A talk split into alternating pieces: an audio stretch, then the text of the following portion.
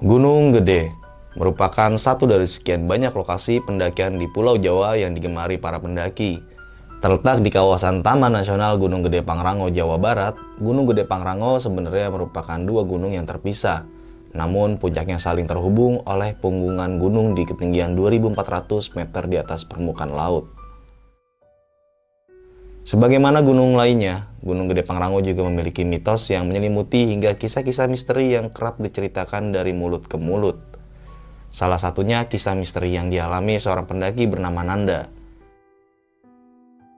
Ia mendapat banyak gangguan mistis ketika mendaki Gunung Gede di tahun 2013. Saat itu Nanda mendaki bersama 10 orang temannya. Saat itu pula Nanda dan teman-temannya sempat tersesat di jalur putri Gunung Gede. Mau tahu kisah kelanjutannya seperti apa? Duduk manis, siapkan cemilan, dan selamat mendengarkan.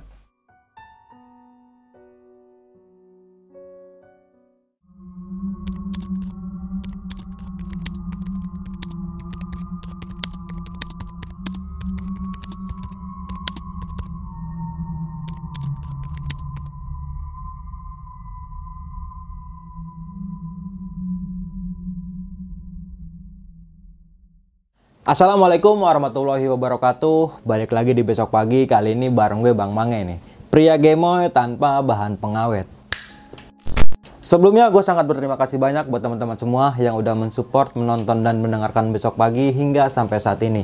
Semoga teman-teman semua yang menonton selalu diberikan kesehatan oleh Tuhan yang Maha Esa nih. Nah, pada kesempatan momen kali ini gue masih menghadirkan narasumber nih. Dan narasumber gue kali ini adalah pendaki asal kota Jakarta Timur nih lebih tepatnya daerah Rawamangun ya. Iya bener bang. Oke, langsung aja nih gue sapa narasumber gue pada malam kali ini. Selamat malam Bang Nanda. Iya bang. Apa kabar nih Bang? Alhamdulillah bang. Sehat ya Bang ya? Sehat, Jauh sehat banget ya dari Rawamangun kemarin nih. Iya. Udah sampai. Sampai lewatin lampu merah baik banget bang. Udah capek. Mana macet lagi ini Macet hari-hari banget. biasa soalnya ini ya. Bayoran tadi ampun. Waduh, gokil. Yang penting, yang penting alhamdulillah ya bisa sampai juga ya. Alhamdulillah nyampe. Nah, tadi kan udah menceritakan pengalaman pendakiannya di Gunung Gede nih ya. Iya. Eh, dari Cibodas lintas ke Jalur Putri, nih. Putri. Berjumlahkan 11 orang dan 11-11-nya ini tersesat nih. Mm.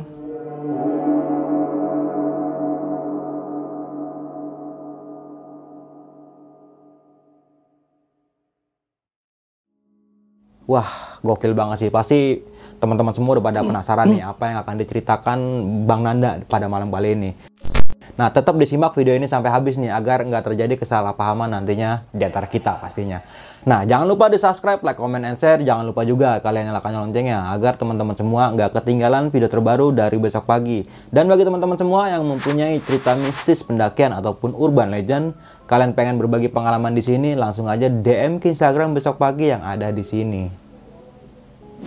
Mau nggak mau, suka nggak suka, bahwa hal gaib itu ada di sekitar kita. Tanpa berlama-lama lagi, langsung aja kita masuk ke ceritanya.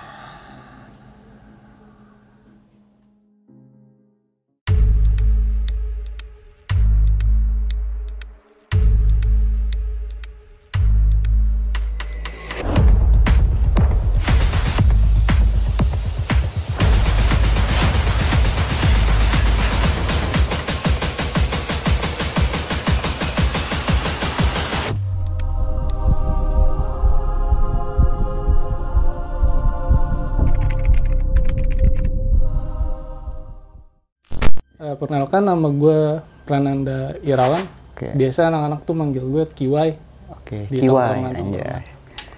Jadi tuh kita kan anak-anak warnet yang sering di warnet. Jadi posisi itu gue kerja di warnet tuh bang, di tempat temen gue.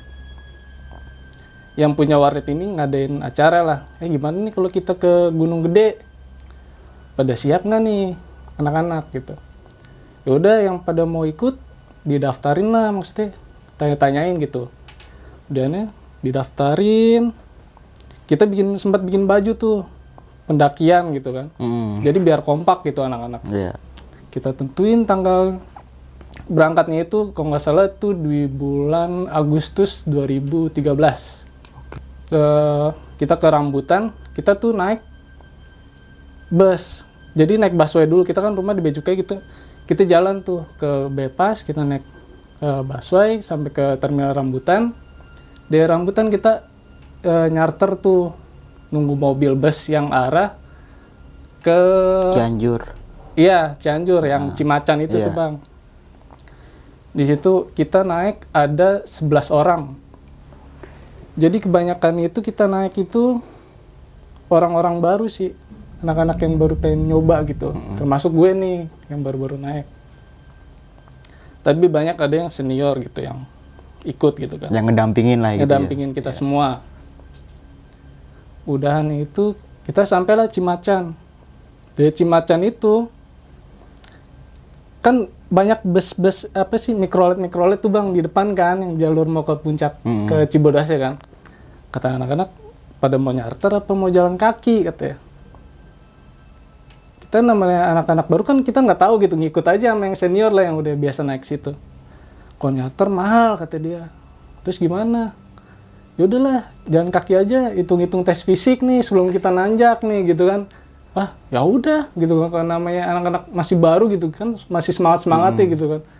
Ya udah udah kita jalan deh katanya kita jalan posisi itu kita nyampe situ tuh malam bang jam 8 lah sampai Cimacan itu. Kita jalan sampai atas itu jam 10-an sampai di warung ibu kan kalau di Cibodas itu kan banyak warung-warung tuh yang di pinggiran kan. Iya. di situ kita eh, istirahat dulu tuh di situ sampai nunggu pagi. Sambil ngecek-ngecek peralatan pendakian kita kan. Sampai dicek-cek lagi bawaan gue tuh ternyata banyak banget yang ke bawah gitu. Yang nggak harusnya dibawa tapi gue bawa nih karena gue baru-baru naik gunung gitu kan jadi yang harusnya gue bawa baju cuma tiga gue bawa enam. Buat celana Iya, gue iya. bawa tiga kata yang sini. Lu bawa bawaan banyak banget lu katanya ya. Namanya gue yang gue takut bang. Takutnya di atas tuh kenapa-napa gitu kan hujan gitu. Pasti ada gantian buat gantian gitu baju buat gitu gantian ya. baju gua gitu. Udah nih udah kurang-kurangin aja. Soalnya lu kan bawa tenda bawa peralatan kata dia. Lu bawa tenda udah bawa tenda bawa kompor gitu kan alat-alat masak udah di gue tuh bagiannya. Udah gue kurang-kurangin. Akhirnya tuh nggak terlalu tinggi banget. Jadi pas awal-awal itu gue bawa carrier itu yang 80 liter. Oke, lumayan Jadi, juga itu ya. ah, kalau full itu bisa 90 Heeh, ada pernya itu dia. ah ada pere itu full bang. Akhirnya mungkin karena yang senior lihat itu oh kurangin ya. Udah gue kurangin tuh akhirnya. Akhirnya udah agak kecil. Udah lu nyaman gak dengan carrier segitu? katanya nyaman sih bang gue bilang oh yaudah eh, kita ist- pada istirahat dah kata dia. Sampai nunggu pagi gitu. Akhirnya kan pada ngobrol-ngobrol di depan gitu. Sampailah di pagi nih. Jadi si Maxi itu kan kalau dulu itu ada yang jalur resmi ada yang nggak resmi nih bang. Jadi lewat calo lah. Iya. jadi kita itu naik itu via calo awal-awal baru itu kan. Dianjurkan sama tuh calo kalau bisa kalian naik tuh pas subuh ya Pas gelap. ah masih gelap. Iya. kan banyak kan gitu kan masih gelap. Jangan pas terang kalau terang kan ada orang Ada yang perhutaninya gitu, kan ya. gitu. Oh ya udah nggak masalah gitu. Jadi kita jam 4 itu udah prepare tuh bang. Ada yang mandi ada yang siap-siap gitu. Kita berangkat nih dari pos ibu itu ke eh, pintu masuk apa selamat datang Cibodasnya gitu kan. Kita nyampe situ di briefing lagi tuh sama si calonnya itu kalau bisa pakai sepatu ya kata dia. Aduh kata gue teman gue ada yang pakai sendal gitu sendal sendal gunung pakai kaos kaki doang kan. Ya udah yang nggak pakai sepatu di belakang aja dah. Jadi ditutup tutup ditutup tutupin gitu Iya. bang. Dannya kita sebelum berangkat itu kita ngumpul kita berdoa gitu. Semoga eh, pendakian ini dilancarin gitu. Soalnya kan banyak banyak yang dari kita kan baru-baru pada naik nih gitu kan Eh, omongan dijaga ya di atas. Kalau bisa apa yang lo lihat jangan lo omong. Walaupun itu nggak masuk nalar eh nalar lo gitu lo jangan lo sebut lah di situ. Oke udah pada oke semua kita doa selesai doa. Pendakian itu berjalan buat kita jalan itu sampai puncak itu berjalan per pos-pos itu aman-aman aja itu bang. Soalnya kan masih pagi gitu kan kemungkinan hal-hal begitu nggak ada lah istilahnya kan. Kita masih ketawa-tawa lah yang capek istilah yang baru-baru mendaki. Ayo semangat gitu bang senior-senior gitu. Sampai di per pos-pos itu kita foto-foto sampai kita ke di kandang badak. Di kandang badak itu kita berikan udah banyak yang capek juga. Tadi niatnya itu di kandang badak itu kita cuman istirahat sebentar langsung tembusin ke SK gitu bang. Langsung biar istirahat lama di SK gitu Iya. kan ternyata udah pada nggak kuat nih anak-anak. Udahlah kita pada istirahat aja di sini. Kita bikin bangun tenda di kandang badak. Itu perkiraan itu karena kita anak-anak baru semua kan itu sampai jam 3 sore sampai setengah empat lah tuh bang di kandang badak. Udah sore lah ya. udah gitu agak sore. Oke. posisi juga itu udah gerimis-gerimis bang mungkin karena anak-anak juga capek terus kedinginan gitu kan. Udah pada nggak ada yang kuat buat nanjak lagi kita ngecamp di situ. Kita nenda bermalam di situ kita bangun tenda ada tiga tenda kan karena 11 orang gitu. Kita pada makan. Di malam itu tuh ya berjalan lancar-lancar aja sebenarnya bang. Dibuat pendakiannya itu buat berangkat itu aman-aman aja sih buat anak-anak gitu kan. Sampai itu malamnya itu hujan gede banget bang jadi itu satu tenda itu isinya kan empat terus ada per tiga tenda itu empat gitu jadi ada satu tenda itu gue sama yang lain tuh isinya tuh bisa delapan orang di situ Oke. Ya itu kalau tendanya ukuran berapa itu? Yang gede apa yang kecil? eh, yang gede. Jadi kapasitasnya cuma empat. Oh, kapasitas empat, ditaruh di delapan Ah, orang? buat 8 orang. Karena yang satu tenda itu jadi rembes bang. Bocor. iya, iya. jadi gimana caranya? Nih anak-anak satu tenda itu ya udah bareng-bareng gitu. Gimana caranya? Udah lo tidur yang jongkok-jongkok yang tiban-tiban tiban nih gitu kan. Udah ada gue tidur apesnya gue tuh kalau setiap pendakian pasti gue tidur di depan bang. Di depan pintu. Hmm. jadi kan kalau pintu itu kan kalau kena hujan netes air gitu kan pasti gue di sini basah. Atau gue aduh jadi basah gue nggak bisa tidur. Tidur karena kedinginan kena air gitu kan. Tuh gue weh gantian apa? Gue bilang oh udah udah lu di depan gitu. Namanya anak baru kan sengke sengke gitu pada sikut sikutan kata gue udahannya dari itu pagi nih kita pagi pada sarapan. Kita pagi itu bangun jam 8 jam 8 pagi. Di jam 8 itu pada sarapan pada fit semua nggak nih fisik? Kalau misalnya pada fit kita langsung ke gede. Tapi kita langsung mau tenda ya langsung turun. Kita nggak ada camp camp lagi nih kata dia.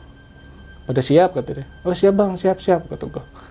Udah tuh tenda semua di packing. Jam 10-an kita udah pada siap kita jalan lagi tuh. Sebelum jalan kita pada berdoa lagi kan.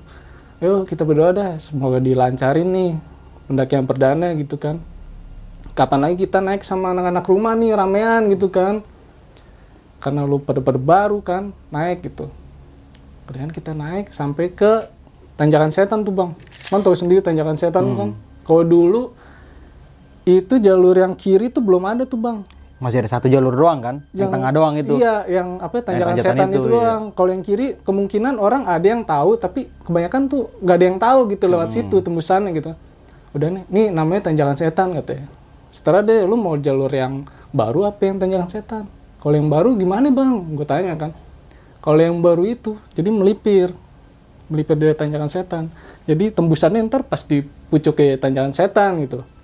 Tapi kalau naik gunung gede, kalau nggak lewat tanjakan setan, lo nggak nyobain naik pakai tali, itu belum afdol lo kata yang Oh, senior iya, senior, ya kan? Wah, makin semangat dong karena masih masih baru naik kan. Yaudah, pada mau coba, iya bang, coba coba coba. Udah tuh, yang pada senior lu pada naik kan. Udah nih, gue nyusul. Di situ aman-aman aja tuh. Kata gue, bang ini boleh nggak difoto dari atas gitu. Jangan lama-lama kata dia. Kasihan lu di bawah ngantri. Emang jadi banyak gitu kan kalau naik ke apa tanjakan setan dulu pada ngantri kan di bawah pas belok.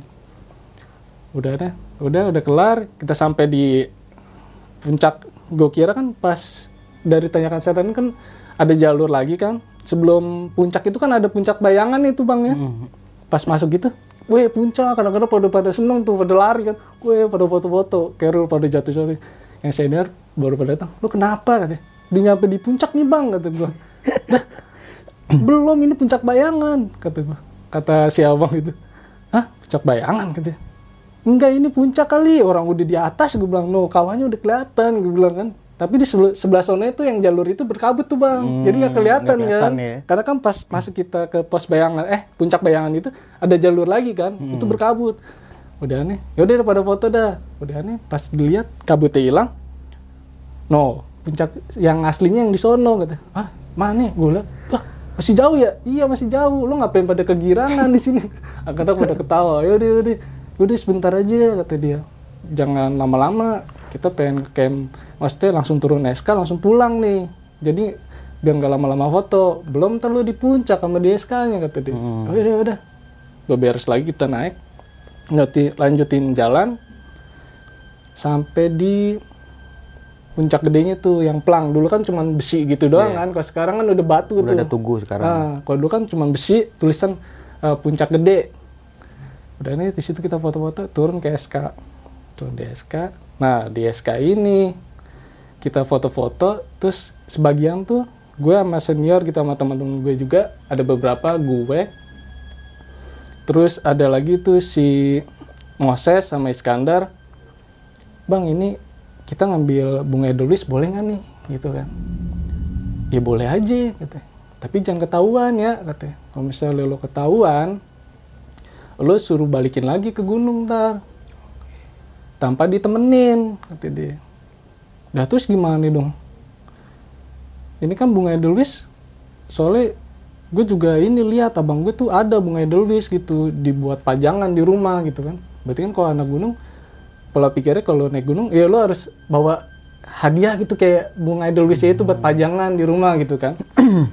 Ya udah nggak apa-apa lo ambil aja. Tapi lo umpetin baik-baik ya jangan sampai ketahuan. Soalnya ntar di pos putri bakal diperiksain oh ya udah nggak apa-apa itu posisi itu jam 2 siang. Hampir jam tigaan lah setengah tigaan gitu gue di SK itu. Karena lama udah aneh gue ngambil-ngambilin nih bang bunga edelweiss gue petik-petikin ada kali segini banyak. Satu orang itu ya gue bertiga itu segini. Kata gue ini taruh di mana ya? Kan kalau zaman dulu tuh center bukan yang headlamp bang. Hmm. masih center yang gede tuh yang Iya. center bagong yang baterai gede itu. Yang kuning warnanya ya. Oh, itu dicopot, diselipin di situ bang, ada tulisnya. Baru baterainya ditutup lagi, terus tempat gua naruh di SB. Pokoknya gimana caranya tuh, itu bunga nggak ketahuan lah pas pemeriksaan gitu kan. Udahnya kita jalan lagi, wah ada batu gede nih, kan di Surya Kencana ada batu gede tuh bang. Iya. Hmm, Satu tengah itu. Ah, ah. mitosnya kan di situ petilasan kebuat orang betapa ya. Mm-mm. Temen gue foto di situ bang. Foto dengan di gaya itu si kita sebutnya bang Rio ya. Dia foto di situ dengan gaya dia lah bebas gitu. Lu pada mau gantian nggak foto sini? Gue bilang. Gue kan sebelum pendakian tuh baca-baca artikel lah ya. Gue bilang, wah ini bukannya batu yang ini. Tapi gue belum bisa mastiin lah batunya ini apa yang di mana gitu kan. Gue bilang, udah bang gak usah. Gue nggak mau foto ah. Ribet juga naiknya gue ke batunya. Udah, yaudah lu fotoin gue. Foto tuh pakai kamera. Foto kelar, Ya udahlah lanjut jalan tuh anak-anak jalan nyantai di SK sampai di pintu tembusan yang putri itu yang dari mau SK tuh bang. Hmm, situ kan ada tempat ini. sampah dulu Iya. tuh gede banget. Tapi nggak tapi nggak keurus gitu banyak sampah di situ. Ya bang nih sampah kan kita bawa sampah banyak tuh. Bang nih sampah buang aja di sini digituin sama temen gue sincek gue capek nih bawanya berat gitu udah berair kata dia. Nggak boleh lah lu naik gunung sampah dari bawah lo sampai atas lo turun lagi sampai bawah lah jangan lo tinggal gitu.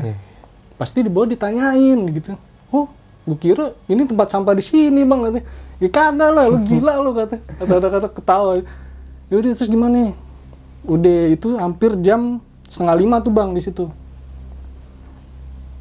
Kita berhenti sebentar kita ngerokok ngerokok. Pada ngopi juga kan. Pada nyantai lah istilahnya. Ah ini kalau kata senior gua kemungkinan kita nyampe bawah tuh jam 8 soalnya sependakian gua selama gua turun lewat Putri itu paling lama tiga jam lah buat pemula gitu ya kan. Kalau kita eh, turunnya itu agak cepet gitu kan.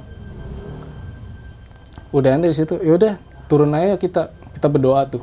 Itu jam 5 kurang kita udah pada berdoa ya semoga ini kita dilancarin sampai bawah selamat nih. Soalnya ini posisi kita kemungkinan di trek ini malam nih. Headlamp kebanyakan tuh orang teman-teman gue tuh bukan headlamp bang pakai yang center yang kecil.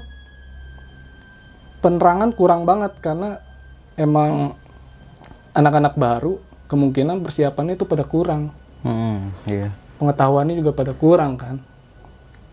Ini dari situ jadi kita turun. Itu ada kita jalan sebentar itu. Nggak tahu tuh trek sekarang yang sekarang ini yang di Putri yang gue tahu jadi itu kita jalan itu udah hampir ada satu jam tuh bang. Pokoknya udah pengen ma- mau masuk masuk maghrib lah. Di bawah itu ada jurang kan? Trek ini trek di bawah tuh ada jurang. Gue jalan. Jadi gue ke posisi ketiga. Depan gue ini si Bayu. Depan lagi si Edo. Dia buka jalan gitu. Dia kan sering naik situ juga kan? Dia yang bukain jalan. Udah itu gue denger suara azan bang. Tapi aneh ya yang denger suara azan itu orang-orang yang di depan doang. Cuman Edo Bayu gue Moses sama Iskandar. Berhenti berhenti gue bilang. Kenapa? Lu nggak denger azan gue bilang. Maghrib nih gue gituin kan. Yang belakang yang senior. Oh ngapain pada berhenti? Diteriakin gue bang. Azan bang. Gue bilang ini maghrib gue bilang. Azan apaan? gue bilang. Gue denger azan. Demi allah deh gue bilang jadi abang-abangan gue ini nggak denger bang yang di belakang. Yang denger tuh yang orang lima itu yang di depan.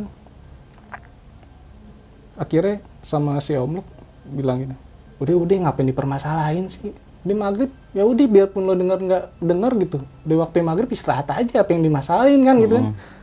Gak lama udah istirahat aja dulu. Break yang ada yang diri silakan duduk silakan gitu. Baru pengen break nih bang.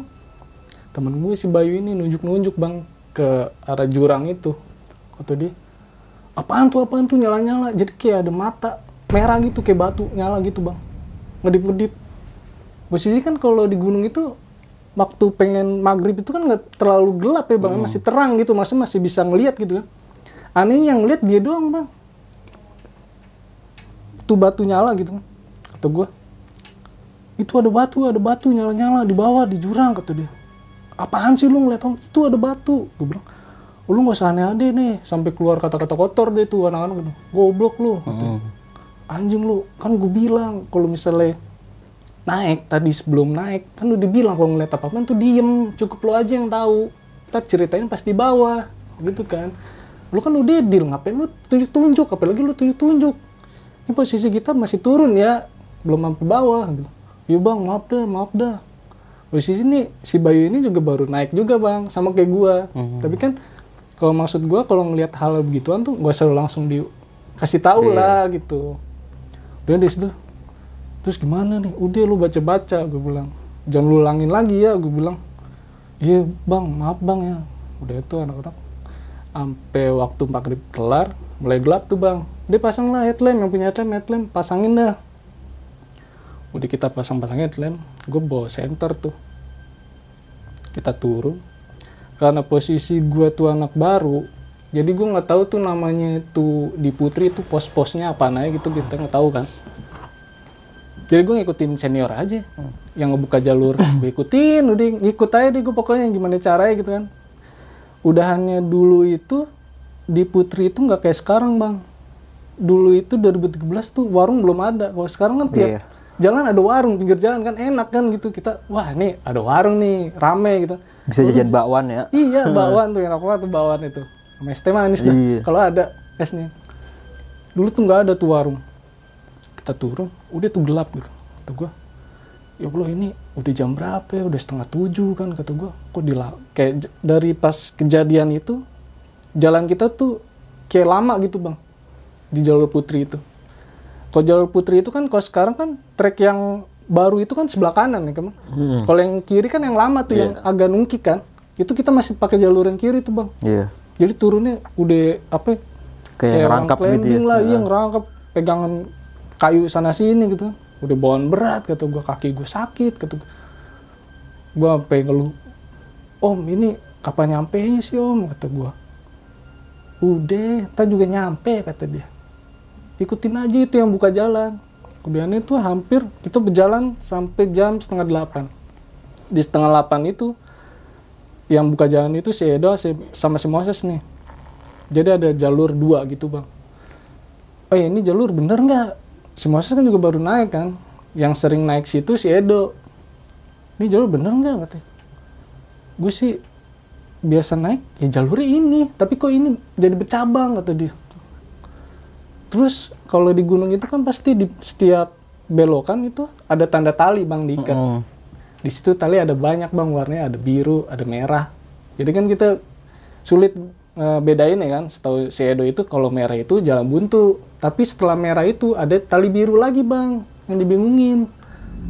Yang harusnya kalau merah itu nggak boleh dilewatin pas ditelusurin sama si Moses ini itu ada tali birunya. Jadi bercabang treknya kata gue aduh gue yang orang yang baru naik gunung yang cuma ngikut doang gitu kan. Gue cuman ya Allah ini kapan nyampe nih gue ya kan? yang harusnya itu nyampe minggu oh gue nggak tahu nih pulang sampai kapan gitu kan. Udah kata si Edo sama ya udah lu cek jalur kiri gue kanan ya sampai sepentok lo kata dia. Kalau belum mentok jangan lu balik lagi siap pokoknya kita teriak aja kodenya ya kata dia udah tuh sama Moses terusin kiri. Yang lain jadi pada break tuh bang pada nunggu duduk kita. Yang Moses kiri buntu kata dia. Ya udah lu gimana? Nemu nggak? Ini ada jalan kata dia. Ya udah lu balik. Semua selesai balik baru kita ngikutin jalur yang si ini. Sampai itu jam setengah sembilan malam gue bang. Ngikutin. Jalan begitu aja tuh bang. Kita setiap nemu jalan bercabang jalan bercabang. Kata gue ini nggak ada habis-habisnya. Kata gue perasaan gue ini gue jalan perasaan gue ngikutin jalan udah benar gitu. Tapi kok kayak jalurnya di situ-situ aja gitu loh. Dengan jalur yang sama gitu. Tapi gue nggak ngeh kalau itu jalurnya gitu. Dengan yang sama gitu. Udahannya kita ketemu nih sama rombongan lain. Dia tuh berenam. Empat cowok dua cewek. Dengan yang satu ceweknya ini dia masih pakai keril pakai tongkat gitu. Dituntun nih bang sama temennya yang cowok. Dia tuh headlamp lengkap lah pokoknya terang banget dia tuh jalurnya dia. Kata gue wah tuh ada orang kata gue ada orang ada orang. Coba dah kasih kode gitu teriakan gitu biar dia berhenti. Kata gue wah alhamdulillah nih kita ketemu orang. Berarti kan masih ada harapan nih. Wah nih jalur benar gitu kan. Udah ini ketemu tuh orang cewek. Kita samperin ini eh, turun apa naik gitu. Kita nanya kan. Temen gue si Edo ini. Kita turun bang katanya. Oh berapa orang? Gue tanya. Sama si Edo ini ditanya berapa orang? Kita berenam bang. Ini cowok empat cewek dua.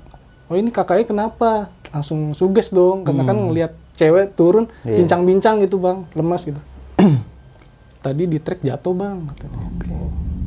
Oh jatuh. Tapi nggak apa-apa bang gue bilang nggak apa-apa. Gue notice ini cewek jatuh kenapa carrier nggak mau dibawain gitu sama tuh cowok gitu kan? Maksudnya biar ringan gitu kan? Oh iya iya. gue ketemu. Tapi nggak apa-apa nih kak gitu. Nggak apa-apa mas katanya.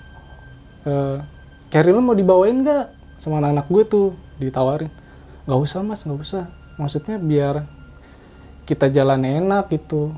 Karena kan kakinya sakit gitu. Dan nggak ada beban gue bilang sama anak-anak gue nggak usah mas saya masih bisa gitu terus temennya ini yang cowok ini yang yang nuntun dia itu bilang bang bisa bareng nggak turunnya nih? Kita barengin aja turunnya. Oh boleh gitu. Kata gue sama anak-anak ya udah boleh turunin bareng tuh. Tapi gue ini dong bang minta headlamp lo bilang, buat buka jalan. Gituin karena kan temen gue nih headlampnya udah pada ngaco bang karena kesasar itu udah pada redup. Si Edo tuh bilang kayak gitu ya bang kita buat nyenterin kita kata dia. Kata gue lu mau bareng minta dibukain jalan tapi lu nggak mau ngasih headlamp lo terlebih kan itu buat anak-anak lo juga. Mm-mm. bukan buat rombongan gue doang kan. Teman gue kan yang mau buka jalan. Gue bilang gitu. Dia diem doang tuh di situ. Bahasa basinya nggak ada deh tuh orang itu yang enam orang itu aneh udah dok lu jalannya dah pakai headlamp aja yang ada kalau misalnya lu ragu tuh sama jalan terobos-terobos aja kata si om lu. Udah tuh kita jalan jadi headlamp nggak dikasih sama dia tetap kita jalan tuh rombongan itu di tengah bang jadi dibagi dua tuh Hmm. enam orang depan lima orang belakang yang gua Yang tengah itu rombongan yang enam rombongan orang. yang ya? enam orang itu jadi kan lagi jadi banyak gitu jalan ya karena pen- penerangan nggak ada gitu bang. Kita jalan ya ngikut yang di depan kita gimana sih? Satu langkah kita ikut satu langkah satu langkah dengan bawaan yang berat gitu kan. Sampai itu jam 11 malam kata gua. Ya om gimana ini om? Udah jam 11 malam gue bilang. Kita belum sampai sampai apa? Belum sampai sampai pos inian putri gue bilang. Iya mau gimana kata dia. Mah yang penting gimana cara kita jalan ketemu jalan kita jalan kata dia udah yaudah break dulu dah break. Kata dia. kita break nih semua nih bang. Dilalanya tuh air tinggal yang botol literan yang gede tuh bang. Air tinggal segini bang. Itu buat orang 11 itu ketua wah bagi air dong gue bilang. Ah air? Iya. Itu sama ini yang belakang kata dia. Kata Iskandar gue kan duduk. Jadi gue Iskandar sama Encek Moses. Di Mosesin depan. Yang belakang tuh kayak Om Luk sama eh, Bang Put sama Bang Rio gitu. Ini air nih dioper jangan lo kokop ya. Kenapa bang? Kata. Lo lihat tuh air semana kata. Oh iya tinggal segini. Terus gimana nih nggak ada air kak. Gue tanya sama rombongan yang itu dong bang. Yang enam orang itu kan. Kali aja dia punya air lah gitu seperan. Bang punya air nggak bang? Tuh orang diem doang bang. Kagak ngomong nggak apa. Jadi kayak kayak orang cuek gitu. Masa bodoh yang penting dia turun ya cuma ditemenin gitu doang. Maksudnya kan kalau kita naik gunung kan pasti ada basa-basi gitu. Bang minum gak nih? Bang rokok gak nih? Makan nih bang gitu. Sebelum lanjut ke cerita, untuk kalian yang ingin menjadi narasumber di besok pagi dan mempunyai cerita horor dalam pendakian, kalian bisa kirim cerita kalian ke Instagram official besokpagi.idv atau melalui email besokpagi.ch@gmail.com. jadi gimana caranya tuh? Kita minum dengan segini buat 11 orang kan udah lu minum setutup setutup aja gitu ya anak-anak. Iya, iya. ah aus hilang kagak gue bilang kan udah yang penting apa basahin tenggorokan dah gue bilang. Tuang nih setutup. Gue minum. Nih lu mau minum nggak? Ya udah minum. Semua minum. Sampai air udah habis ya katanya. Jangan baik-baik ngomong dah katanya biar nggak aus katanya. Iya iya. Udah nih is lo nggak ada cemilan gue bilang lapar banget gua gue bilang. "Eh, ada kayaknya deh dia bentar dibuka biskuit bang yang isi coklat kan nggak ada air ya kata. Aduh kata gua lu kenapa yang ngasihnya baru sekarang? Deh lu kan baru nanya katanya lapar. Ya udah dah sini. Itu biskuit juga cuma satu. Satu doang bang isi tiga yang bulat-bulat yang tengah coklat gitu. Dipotek. Udah bagi-bagi dah cuma isi tiga dipotek. Kata gua aduh ngenes banget gua awal pendakian begini banget ya kata gua udahnya. Udah tuh. Pada ngerokok gua ngerokok. Nyantai kan. Si Iskandar ini diem bang. Dia emang orangnya gitu kalau misalnya sering juga kan ke pulau apa-apa bengong gitu. Is is. Diem aja gitu. Mungkin karena dia capek apa gimana gitu kan kita nggak tahu kan. Is jangan bengong gue bilang. Is sampai tiga kali tuh bang. Is sampai gue bentak. Oh apaan? Lu jangan bengong gue bilang. Ini di gunung gue bilang iya iya iya iya kata dia. Baca baca lo gue bilang. Iya pas gue nengok gitu tuh langsung ada merah-merah bang. Merah nyala dua. Pertama masih merah gitu doang kan? Gue tegasin gue tegasin langsung jadi kayak muka gitu. Untuk bulu gede banget itu bang. Dari arah seberang gitu tuh. Nyamperin gitu bang ke arah gue gue langsung gitu astagfirullahaladzim gue bilang. Gue bawa gue bawa muka gue bilang lu kenapa ya kata Is nggak apa-apa nggak apa-apa nggak apa-apa "Ke- kenapa lu kenapa udah nggak apa-apa gue bilang gue gimana caranya tuh anak-anak nggak jadi takut gitu atas apa yang gue lihat gitu bang Hmm, supaya nggak panik lah ya gitu. Iya. Posisi kan itu juga udah chaos kan karena kita udah lama gitu kan turun juga. Udah gue diem, gue baca-baca gue. Lu kenapa kata sekarang? Enggak udah nggak apa-apa. Gue bilang, Om lanjut jalan yuk. Gue bilang, gue ketakutan di situ. Lanjut jalan. Gue bilang. Udah, udah pada kelar. Udah, udah jalan Om, jalan. Bilang, jalan. Kelar dari situ. Ini karir gue langsung berat bang. Seberatnya gue biasa turun sebelumnya kan udah tahu kata keran yang kan beratnya semana gitu. Kok kata gue ini kok berat banget kata gue kaki gue makin sakit. Tukar posisi tuh karena keberatan itu. Jadi dilewatin terus gue bang. Sampai di posisi belakang sama yang senior senior nih yang jadi sweeper kan. Gue ketemu bang Rio bang Rio. Eh kenapa ya wai kata. Karir gue berat banget ini gue bilang. Lu mau tukeran. Bukan bukan mau tukeran gue bilang. Berat nih beratnya beda kata. ya. Dilihat kata dia. Eh lu baca baca kata bentar. Dikeprok carrier gue bang sama dia. Gitu deh. ada yang ada yang itu ada yang ikut lo katanya di carrier. Hah? ikut gimana? Dibisikin gue bang kuntilanak kata dia duduk di carrier gue ngayun-ngayun jadi dia taunya tuh pas gue tegesin gitu bang ini carrier gue berat dia baru bilang carrier lo di dudukin kuntilanak tuh ngayun-ngayun sekarang udah mendingan belum ya udah mendingan nah itu pas gue keprok terbang dia Tadi. Oke. Sa- Dari Bang Rio ini tadi. Heeh. dia maksudnya agak-agak bisa lah Hmm. soal agama gitu Iya. deh lo baca-baca selawat deh gue. Kata dia lo baca-baca selawat dah. Ya gue baca bang. Udah ke depan lagi lo sana jadi belakang. Ke depan lagi. Udah entengan tuh kayak jadi kita lanjut jalan lagi tuh. Sampai di pos apa butut lutung sebelumnya itu kan jalur kayak air gitu. Si cewek ini tuh udah lemas banget gitu bang. Udah diri doang. Udah kak sini. Apa eh, ya tasnya saya bawa gitu. Biar kakak jalan enak. Jadi temen ini juga nggak ada yang bisa kasih solusi ke cewek itu bang. Maksudnya gimana cara itu biar dia turun nyaman gitu deh. Tanpa ada bawa beban gitu. Soalnya dia bawa carrier juga bang. Carrier 60 kan lumayan kan seorang cewek bawa carrier segitu. Dan itu cewek tetap kekeh bang. Nggak mau. Udah bang. Nggak usah nggak usah. Terus dari udah dah. Anak-anak juga udah kesel kan karena capek kan ditawarin back-back malah ditolak ya kan? Niat kita kan baik biar cepet gitu turun. Itu sam- udah hampir setengah satu bang. Setengah satu malam. Kita sampai di pos itu. Terus Incek nih bilang eh kayak gue ada susu dah. Susu apa susu ultra gue bawa yang sedus itu yang dusan tuh. Yang satu liter itu ya. yang satu liter. Heeh. di tas siapa ya? Gue lupa oh yang biasa konsumsi sih is coba diis buka dibuka tuh di bawah bang. Ini ada nih susu coklat dibuka. Ah akhirnya ada air gitu kan. Buka buka minum pas diminum udah basi itu susu bang. Kata gue aduh ya allah ada ada aja. Yang coba tuh mas Mado kan minum. Ah susu basi lo kasih gua. Kata. terus gimana ya lu minum aja pengen berak-berak lu di gunung. Terus gimana nih bang? Lu masukin kresek dia buang katanya. Ngapain lu minum penyakit lagi punya makanan minuman bukan dikeluarkan. Kagak tahu gue bang katanya gue lupa kata dia. Sampai basi kan kalau susu kan lembung di gunung kan karena dingin kan.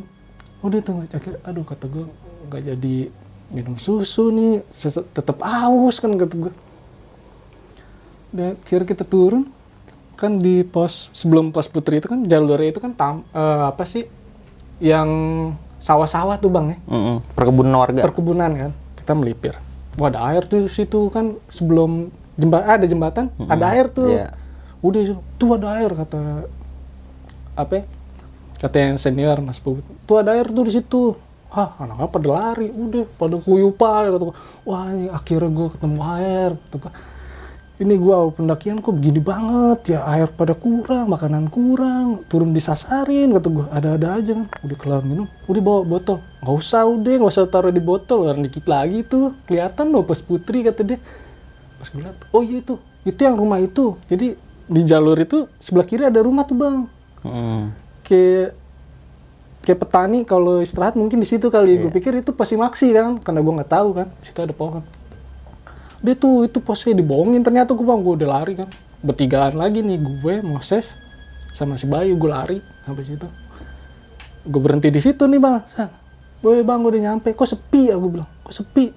Dok emang ini? Bukan bego no posnya no. Turun lagi ada turun lagi ada posnya kan. Ah aku dibohongin dong. Iya lu lagi percaya? Lu ngapain lari?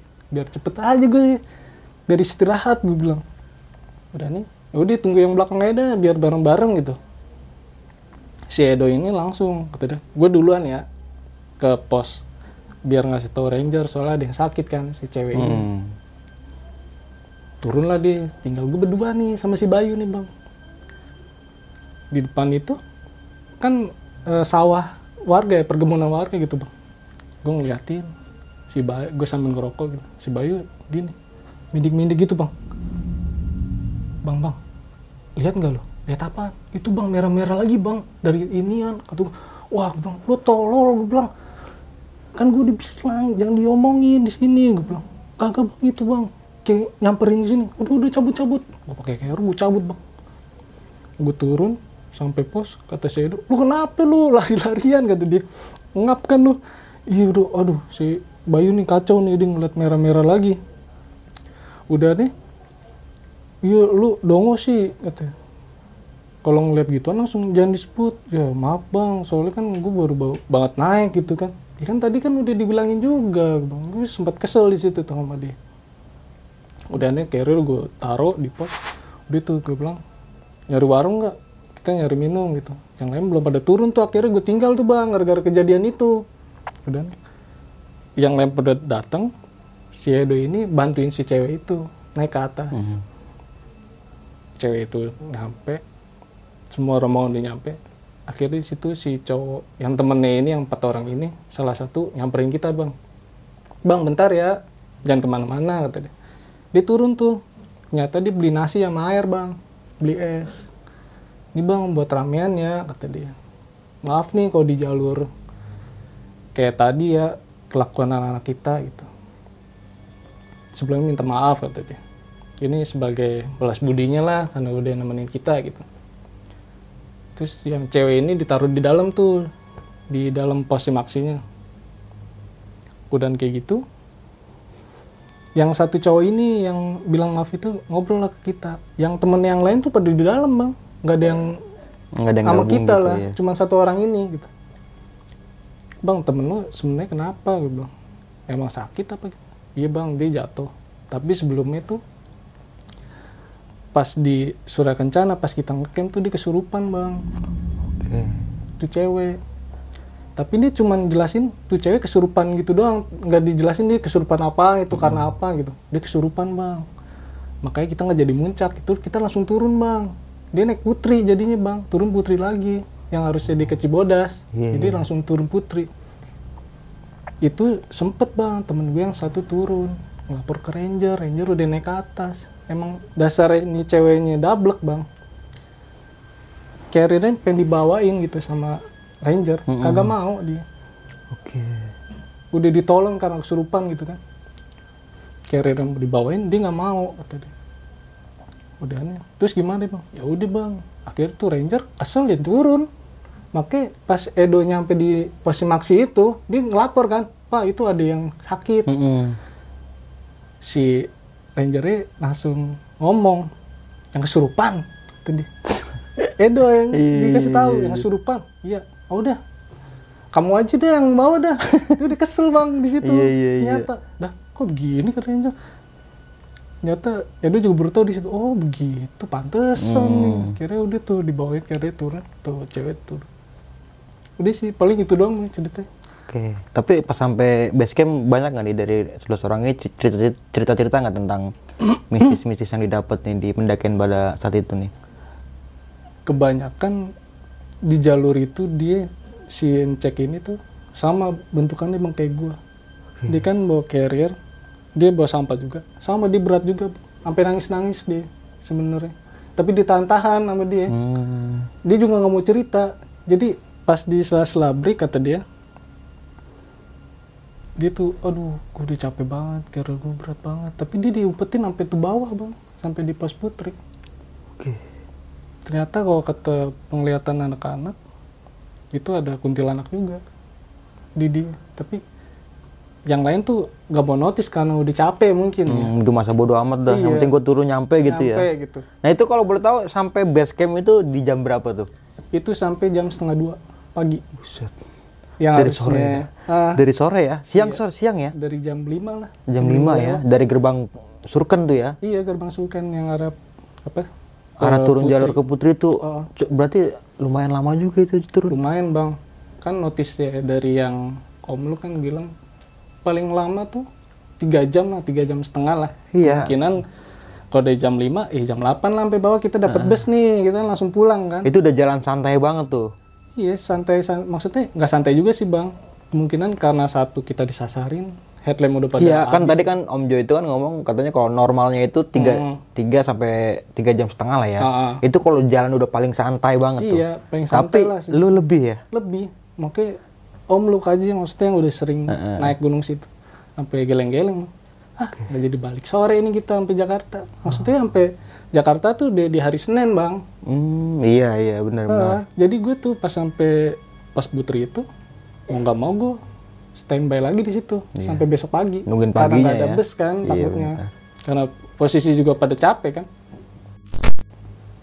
Nah di saat tadi pas sempet eh, disorientasi jalur nih yang banyak percabangan jalan nih. oh Jadi kan sebelumnya kan lu naik gunung ini sama senior lu ya. iya Senior lu yang udah pernah atau sering naik ke situ. iya Dan dia baru pertama kali ngerasain hal kayak gitu nih. Hmm. Yang tadi sempat bilang banyak jalur cabangan gitu. iya dia juga sempet bingung Sedo ini Oke. gue setahu gue gue naik putri turun putri jalur itu cuma satu jadi nggak bercabang gitu bang Eh, kayak bercabang dua kiri sama kanan Ah, gitu ya. gue juga pernah kata dia gue waktu itu diklat juga di sini ya jalur ini ini doang nggak ada yang lain Hmm. kecuali kalau emang ada jalur lain ya talinya minimal tuh biru kalau nggak merah Iya. buat ini ternyata kan tadi yang merah itu kan buntu bang Hmm. terus ada lagi biru jadi, Jadi kita kayak bingung, rancu Bang. gitu ya?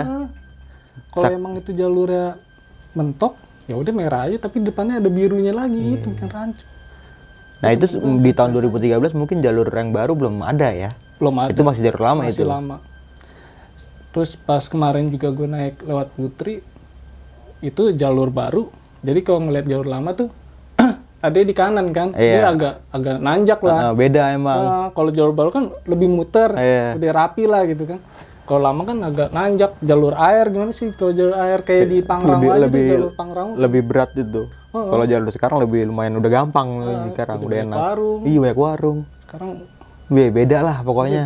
Alat juga udah memadai. Apa Iya, aja ada sekarang apa kan. ada dulu ya kita ada teman sampai naik pakai sepatu converse atau gua aduh yang penting pakai sepatu dah kata Iya, dia. sampai di atas lewat dari pos lo ganti sendal nggak masalah kata dia iya, iya. ya udah udah pakai jaketnya sadar Nah itu kan wah, pendakian di awal lu ya. Nah setelah itu setelah lu menaiki pendakian itu lu sering sering naik gunung lagi nggak tuh bang?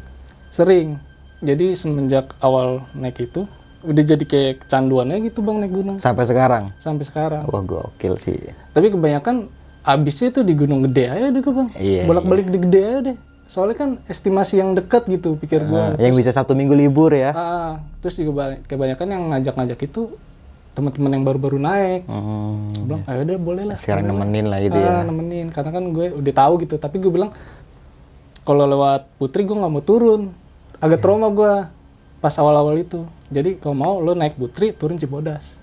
Oke di tahun tiga- 2013 mungkin masih minim pengetahuan tentang pendakian, tentang tadi sempat bilang lu pada metik-metik bunga Edelweiss tuh, aduh. Iya. Itu kacau banget sih bang. Kalau gue pikir sekarang ya. Iya iya. Itu udah Mungkin kalau di tahun segitu mungkin bebas, Iya. ya kan belum ada hukumnya, belum ada undang-undangnya. Mungkin kalau sekarang udah parah itu, udah diklaim diklaim bonus sudah itu. Iya.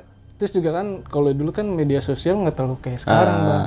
Jadi kita nge-post gitu nggak terlalu booming kayak sekarang kita nge-post. Bentar aja kan langsung orang wah lu ngambil bunga dulu sini, lah pasti kan naik kan di forum. Langsung, kan. langsung viral, langsung kasihan kalau Iya. gitu. Tapi lu menyesal ya ngelakuin hal kayak gitu ya? Bisa, nggak tahu juga bang. Gue pikiran gue apaan dulu kayak gitu kan. Iya, namanya baru pertama kali nyobain ya, penasaran gitu. Penasaran. Balik lagi deh penasaran jadi ilmu juga sih buat kita. Nah, jadi kita belajar dari kesalahan gitu ya. Iya benar. Oke nih, thank you banget nih Bang Nana nih. Jauh-jauh banget nih dari Rawamangun nih. Iya. Udah pengen datang ke Bintaro buat men- menceritakan tentang pengalaman pendakiannya di Gunung Gede nih. Iya. Ya, Cibodas Lintas Ya, Putri ya. Cibodas Itu pada tahun 2013 nih. 13. Oke nih, sebelum kita mengakhiri video kali ini punya pesan-pesan nih buat teman-teman semua nih. Terkhusus pendaki-pendaki baru nih. Pesan gue sih kalau buat pendaki baru ya, nggak muluk-muluk. Hmm. jangan kebanyakan asumsi kalau gunung itu serem. Iya, benar.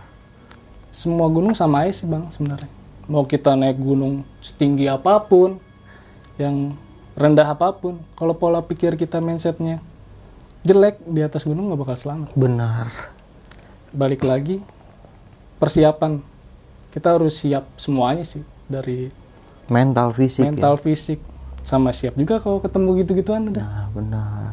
jangan kalau ketemu gituan malah bikin bikin kita ngedon malah kalau ketemu gituan malah kita berpikir kalau ciptaan Tuhan tuh bukan sekedar apa bukan sekedar ketinggian gunung gitu pemandangan gitu ciptaan Tuhan juga ada yang seperti itu gitu wajar lah kalau kita ketemu-temu hal-hal begitu kan di atas Yang penting tetap berpikir positif ya. positif terus Kalau nemu-nemuin hal kayak gitu gitu. iya balik lagi jangan langsung diomong Nah, bener banget sih. Itu attitude pendaki zaman dulu tuh sampai sekarang Iya, tuh. sekarang. Kalau ngeliat apa-apa di utut di atas jangan diomongin Jangan gitu. diomong. Nanti kalau di base camp baru di diceritain. bawah udah kita udah enakan gitu Iya. mau cerita loh Karena kita mau cerita di atas juga kan emang masih wilayahnya dia. Kita juga takut itu. Iya, takutnya kita ngomongin dia denger bang Nah, itu dia Iya. masalahnya.